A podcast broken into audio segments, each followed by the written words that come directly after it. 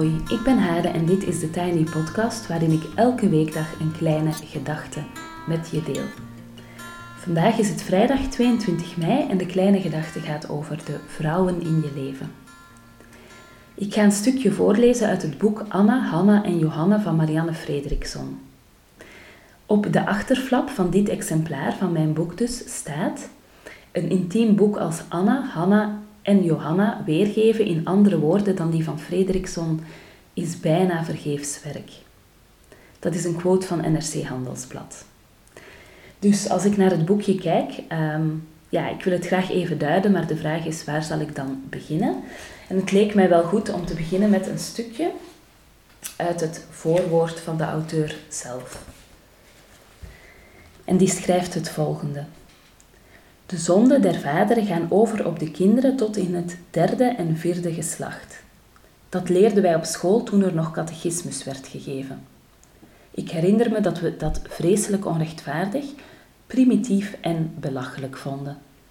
We hoorden immers tot de eerste generatie die werd opgevoed tot zelfstandige mensen die hun lot in eigen hand moest nemen. Langzamerhand, naarmate de kennis over de invloed van de sociale en psychologische erfenis toenam, kreeg de Bijbelspreuk betekenis. Onze vaste patronen, ons gedrag en onze manier van reageren zijn in veel grotere mate een kwestie van overerving dan we hebben willen toegeven. Het is niet altijd gemakkelijk om dat te zien en te erkennen. Zoveel is er vergeten en verdwenen in het onderbewuste toen grootouders de boerderijen en streken verlieten waar families generaties lang gewoond hadden.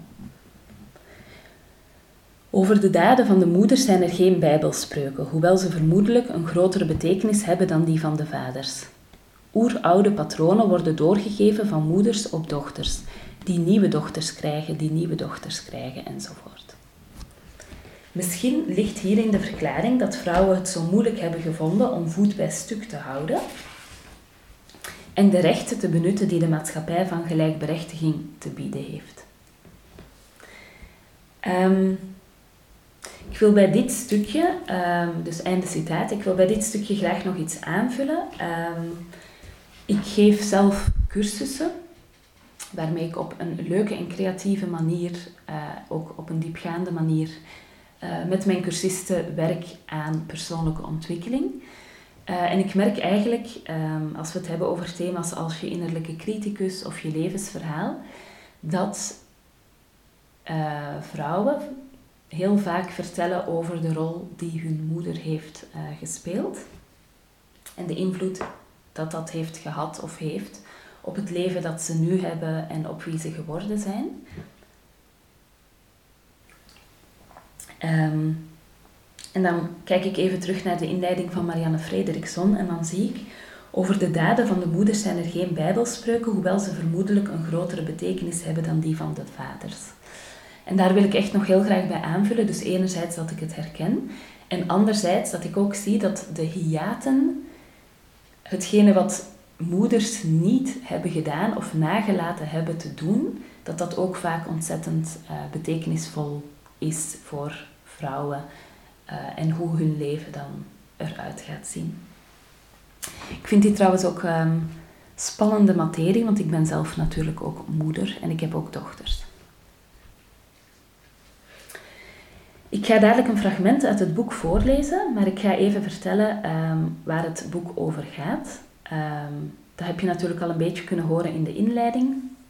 Maar je moet ook weten, denk ik, dat Hanna de grootmoeder is Johanna is haar dochter en Anna is dan weer de dochter van Johanna, dus de kleindochter van Hanna. Um, we hebben dus te maken met drie generaties vrouwen en hun verhalen worden verteld, gesitueerd tegen ongeveer 100 jaar Zweedse geschiedenis.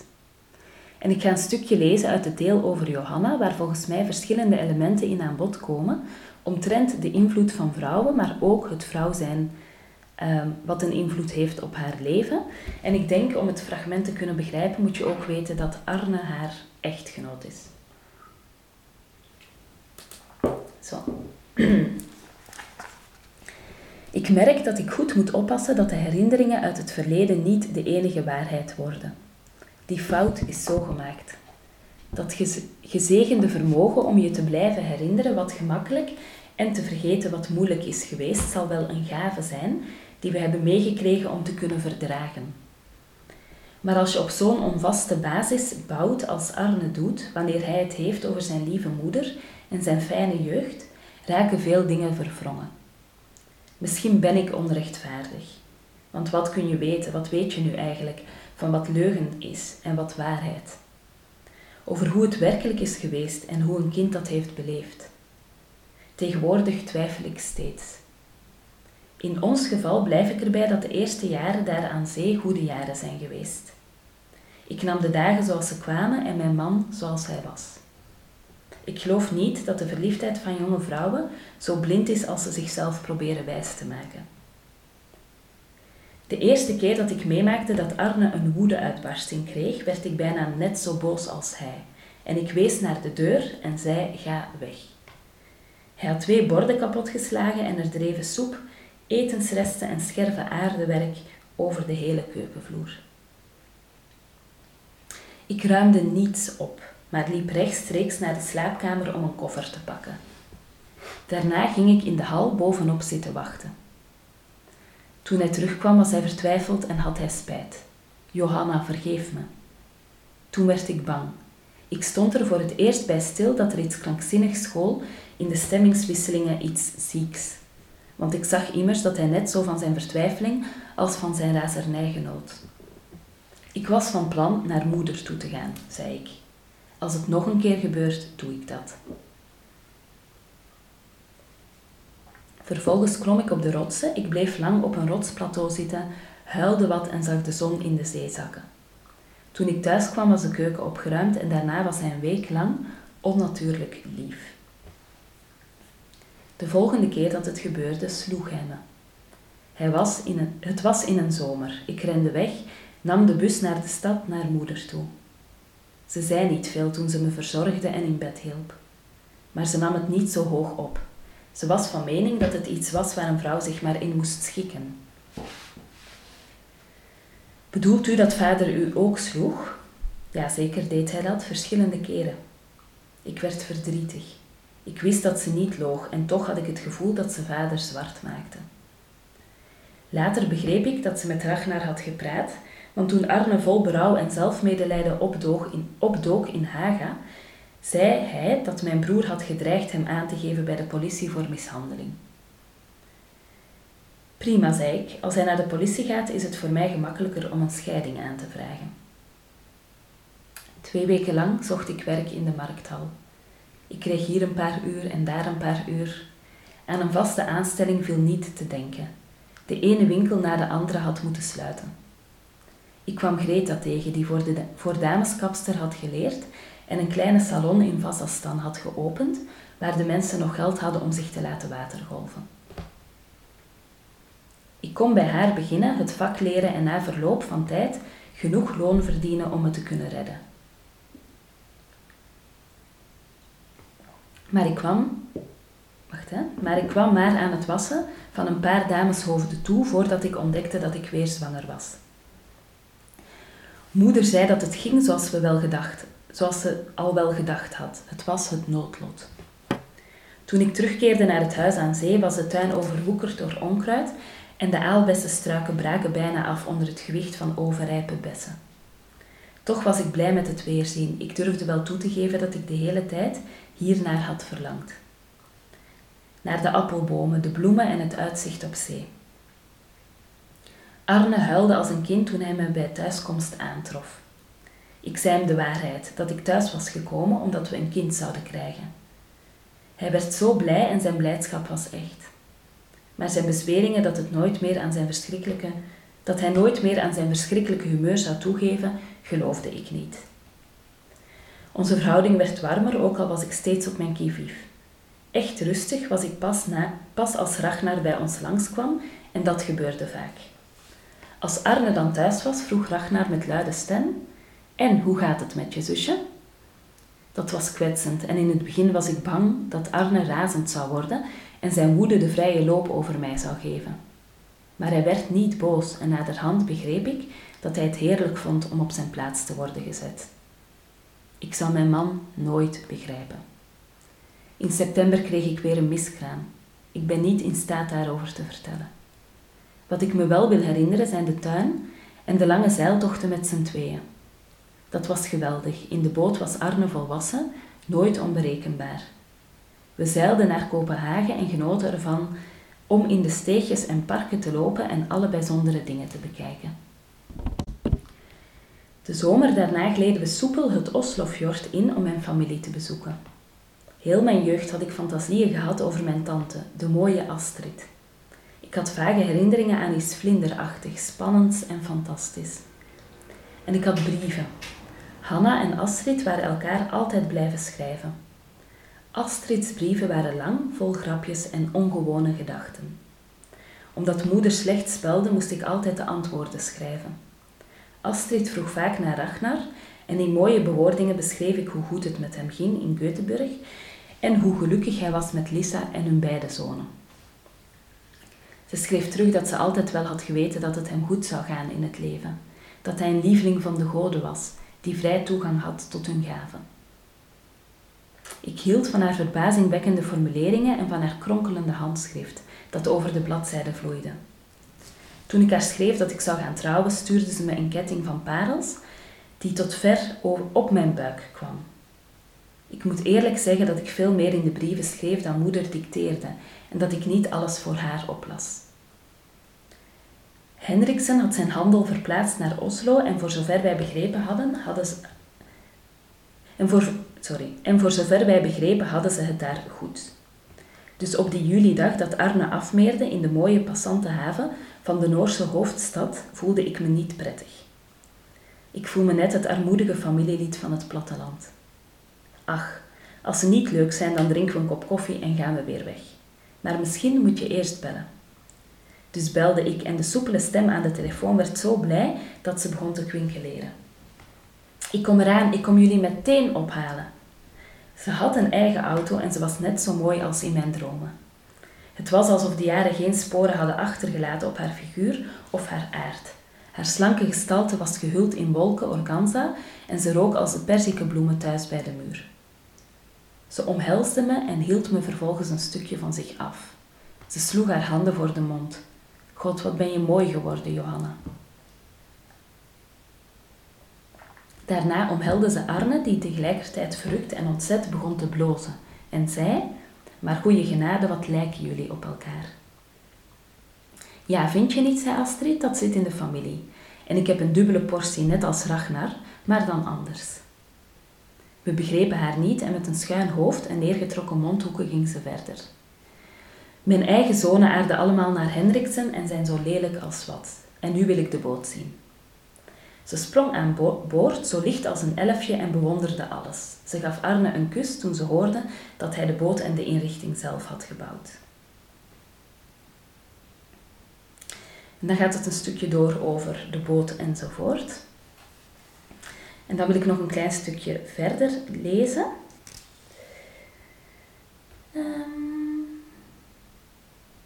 het belangrijkste dat er in Oslo gebeurde was een lang gesprek toen Astrid, Arne en ik in een café zaten bij het museum met het Ozebergschip. We spraken over mijn vader en zij vertelde breedvoerig over hem. Ze had veel herinneringen. Hij was zo'n mens voor wie het voldoende is om te bestaan, zei ze. Jullie weten dat dat type zich niet hoeft te bewijzen. Ze vertelde me ook hoeveel hij hield van mij, het dochtertje dat genoemd werd naar het kind dat hij in zijn eerste huwelijk had gehad. Hoe hij me verzorgde toen ik klein was, mij in zijn draagzak op de rug meenam om me naar alle stemmen van het bos te laten luisteren en het water, de lucht en de wolken te laten zien. Hanna haalde natuurlijk haar neus op, zei Astrid, je was immers nog maar een baby. Ik had het wel geweten, want ons lichaam en onze zintuigen hebben nu eenmaal hun eigen herinneringen maar niemand in mijn familie had er ooit iets over verteld. Alleen dat hij me had verwend. En nu werd alles bevestigd. Ze vertelde over zijn sprookjes en liedjes. Dat had moeder ook gedaan, dus dit verraste, verraste mij niet zo.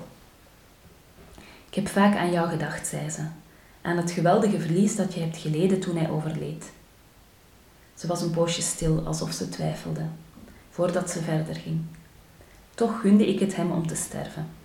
De laatste keer dat we elkaar zagen, zei hij dat het leven altijd te zwaar voor hem was geweest. Dat hij er als kind al moeite mee had gehad. Tot daar uh, het citaat, of het stuk uit het boek.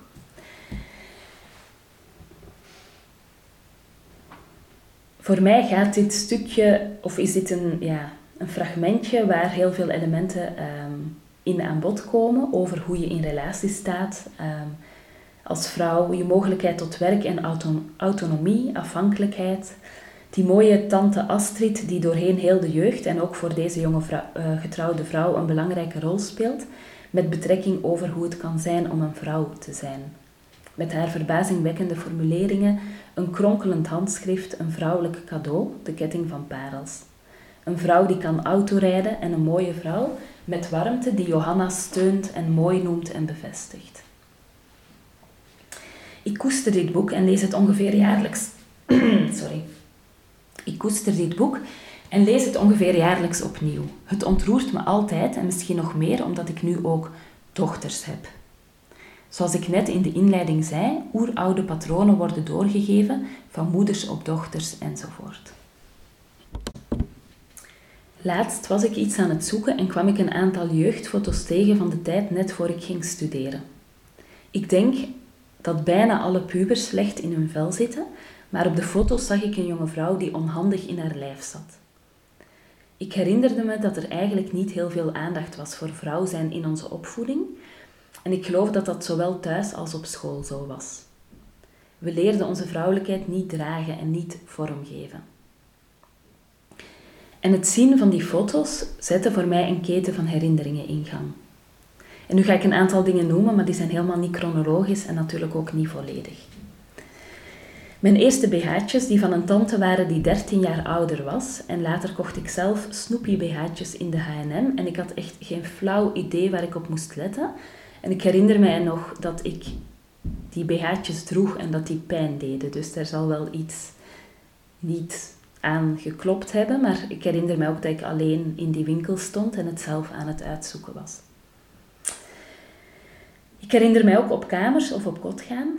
Um, op, op kot gaan is de Vlaamse uitdrukking, op kamers gaan de Nederlandse. En daar samenleven met, ik schat ongeveer een vijftal andere vrouwen. Er waren ook jongens, we leefden daar met negen. En ik kreeg voor mijn verjaardag, mijn eerste verjaardag daar in april, kreeg ik een handtasje cadeau. En het was een lief, roze, geruit, vierkant, nee, het was rechthoekig, handtasje met een ritsluiting. en dat was voor mij echt een soort van eye-opener dat je dat ook kon hebben, want ik droeg altijd een rugzak. Ik denk dat dat een soort van startschot was, waarna ik, waarna ik ook voor het eerst jurken kocht voor mijzelf. Ehm, en met de meisjes op kot leenden we elkaar schoenen uit uh, bebakte taart. We hadden ontdekt dat een van de kotgenoten condooms op haar kamer had en daar hadden we heel veel uh, grapjes over. Ik herinner me ook heel veel scènes van liefdesverdriet en dat we op een dag een van onze kotgenoten steunden, die het uitgemaakt had een vriendje. Waarna dat vriendje uh, de spullen van haar kamer, haar studentenkamertje, uit haar raam begon te gooien. Um, en ik weet nog dat wij toen echt een soort van front vormden met elkaar om die man buiten te krijgen en om het meisje dus uh, te beschermen. Vrouw zijn kreeg daar, zeg maar, in het samenleven met die andere studenten, wat, wat inconsistent vorm. En als ik de jaren die volgden voor mijn geestesoog laat passeren, zie ik heel veel mooie, inspirerende vrouwen voorbij komen. Zoals de, de collega promovenda die op mijn baan aan de universiteit met haar piercings en haar openheid, ehm, ja, een soort, ook weer een soort eye-opener voor mij was. Want ze toonde me hoe je authentiek jezelf kon zijn en dat dat gewoon past in je omgeving en context als dat voor jezelf klopt. Er is ook de vriendin en later meter van mijn dochter die een enorme daadkracht combineert met scherpe intelligentie en fijngevoeligheid. En een vrouw met wie ik jarenlang van en naar Nijmegen reisde, waardoor we in onze lange autoritten open konden zijn over relaties, huishouden, het werk dat je met jezelf te doen hebt, therapie, um, fysieke dingen enzovoort. Er is ook een andere vrouw waarmee ik lange autoritten heb gemaakt en die mij heel veel vertelde over hoe zij een topcarrière en het hebben van kinderen gecombineerd had en dat ik me dan realiseerde dat het moederschap misschien ook kan zitten in daar een krachtig voorbeeld in zijn en bewustheid met elkaar doorbrengen. En dat het dus niet zo hoeft te zijn dat je als moeder elk wasje en plasje zelf moet doen in huis. En ik vond het heel bijzonder eigenlijk dat zij zo dat moederschap had losgekoppeld van het, ja, het permanente werk en die stroom aan huishoudelijkheid die daarbij komt voor veel mensen, voor de meeste mensen. Voor mij trouwens ook. Uh, maar dat zij dat gewoon had losgekoppeld en haar dochters dus ook daarin een ander voorbeeld had meegegeven. Dan de vrouwen die mij hielpen om gezin en werk te combineren en nooit moe leken te worden van altijd kinderen om zich heen te hebben, die van, zich, die van zichzelf en die van anderen, zoals dus die van mij. En die altijd perfect georganiseerd waren en het talent hadden er echt te zijn in hun gezin en daarmee een echte thuis te creëren. En als ik zo'n beetje terugkijk, lijkt het ook alsof vrouwen een lange tijd heel weinig aanwezig zijn geweest. Ehm, hoewel er altijd wel enkele waren, herinner ik mij ook echt eenzame jaren waarin ik mij ja, verstoken voelde van vrouwelijk gezelschap. En dan op een dag in september 2016, dat weet ik nog doordat er in die maand nog een aantal andere bijzondere dingen gebeurden, ontmoette ik Tamara Leenaerts omdat ik haar moest interviewen voor Psychologisch Magazine over hoe en waarom vrouwen verbinden. En dat leidde ertoe dat ik meeging op een vrouwenfestival en daar drie keer in een warm bad vol vrouwen stapte. Vrouwen van alle leeftijden uit allerlei contexten, van kunstenaressen tot scrum masters. En ik laafde me daar aan de voorbeelden en rolmodellen. En ik ging opnieuw naar het festival en nog een keer. En ik realiseerde me wat een superkracht het is als vrouwen elkaar bekrachtigen en voeden. En in het contact met al die vrouwen ontdekte ik ook echt mijn eigen hiaten in mijn vrouwelijkheid. Ergens ben ik nog steeds dat meisje dat ongemakkelijk in haar lijf zit, dat zich een clown voelt als ze haar lippenstift opdoet en die worstelt met het eigenaarschap nemen van haar leven en zich echt te verbinden met man en kinderen en de verschillende dingen van het leven aan elkaar vast te knopen en tot een kloppend geheel te maken. Um, in september, nee, in september, excuus, in juni gaan um, Tamara en ik starten met een cursus en die heet De Vrouwen van Jouw Leven. Um, en dat is eigenlijk een cursus waar je door middel van online opdrachten, schrijven, reflecteren, creatieve opdrachten en uh, online meetings, elke dinsdag van half negen tot tien, waar je uh, eigenlijk op zoek gaat onder onze begeleiding naar de vrouwen in jouw leven welke invloed en impact die hebben gehad op jou en op hoe jij vrouw bent. En ook op, um, ja, we gaan ook echt de vraag aan hoe jij als vrouw wil zijn ten opzichte van andere vrouwen. Dus op welke manier je hen wil steunen en voeden. Als je uh, interesse hebt in die cursus, dan uh, kan je zeker even kijken op mijn website of uh, ik zet ook de link naar de cursus in de show notes. Um, en je kan je dus de komende dagen nog inschrijven voor die cursus. Je mag mij ook altijd contacteren als je nog vragen hebt. Tot zover uh, voor vandaag. Je kan me volgen op Instagram, TheTinyPodcast. En je helpt me door deze podcast wat sterretjes te geven op iTunes, een review achter te laten en of hem door te sturen aan iemand anders die er misschien graag naar luistert. Dankjewel om te luisteren en heel graag tot volgende week.